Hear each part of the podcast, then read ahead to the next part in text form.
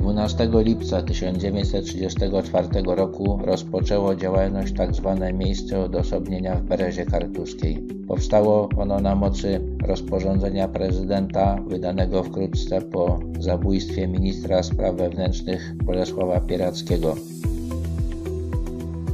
Rozporządzenie pozwalało na osadzenie w ośrodku człowieka, któremu nie udowodniono przestępstwa, ale którego organy administracji uważały za zagrożenie dla porządku i bezpieczeństwa publicznego. Decyzję o osadzeniu podejmował wojewoda, a zatwierdzał sędzia Sądu Okręgowego w Pińsku. Po trzech miesiącach osadzenie mogło być przedłużone. Zdarzyło się, że był człowiek, który w Berezie e, spędził 3,5 roku. Do Berezy trafiali początkowo głównie narodowcy, ponieważ ich podejrzewano o zorganizowanie zamachu na Pierackiego.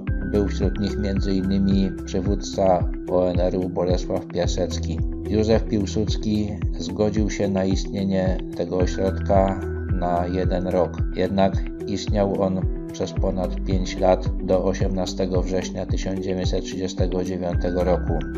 Trafiali do niego głównie komuniści, a także ukraińscy nacjonaliści, narodowcy, ludowcy oraz pospolici przestępcy i spekulanci. W sumie w ośrodku osadzono ponad 3000 ludzi. Najbardziej znanym osadzonym był Stanisław Cat Mackiewicz, który spędził w Berezie 17 dni i został zwolniony, gdy podpisał oświadczenie, że rezygnuje z pracy dziennikarskiej.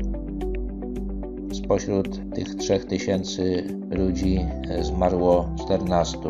Istnienie obozu w Berezie było pogwałceniem Konstytucji Rzeczpospolitej, która stwierdzała wyraźnie, że nikt nie może być pozbawiony wolności bez zgody sądu na dłużej niż 48 godzin.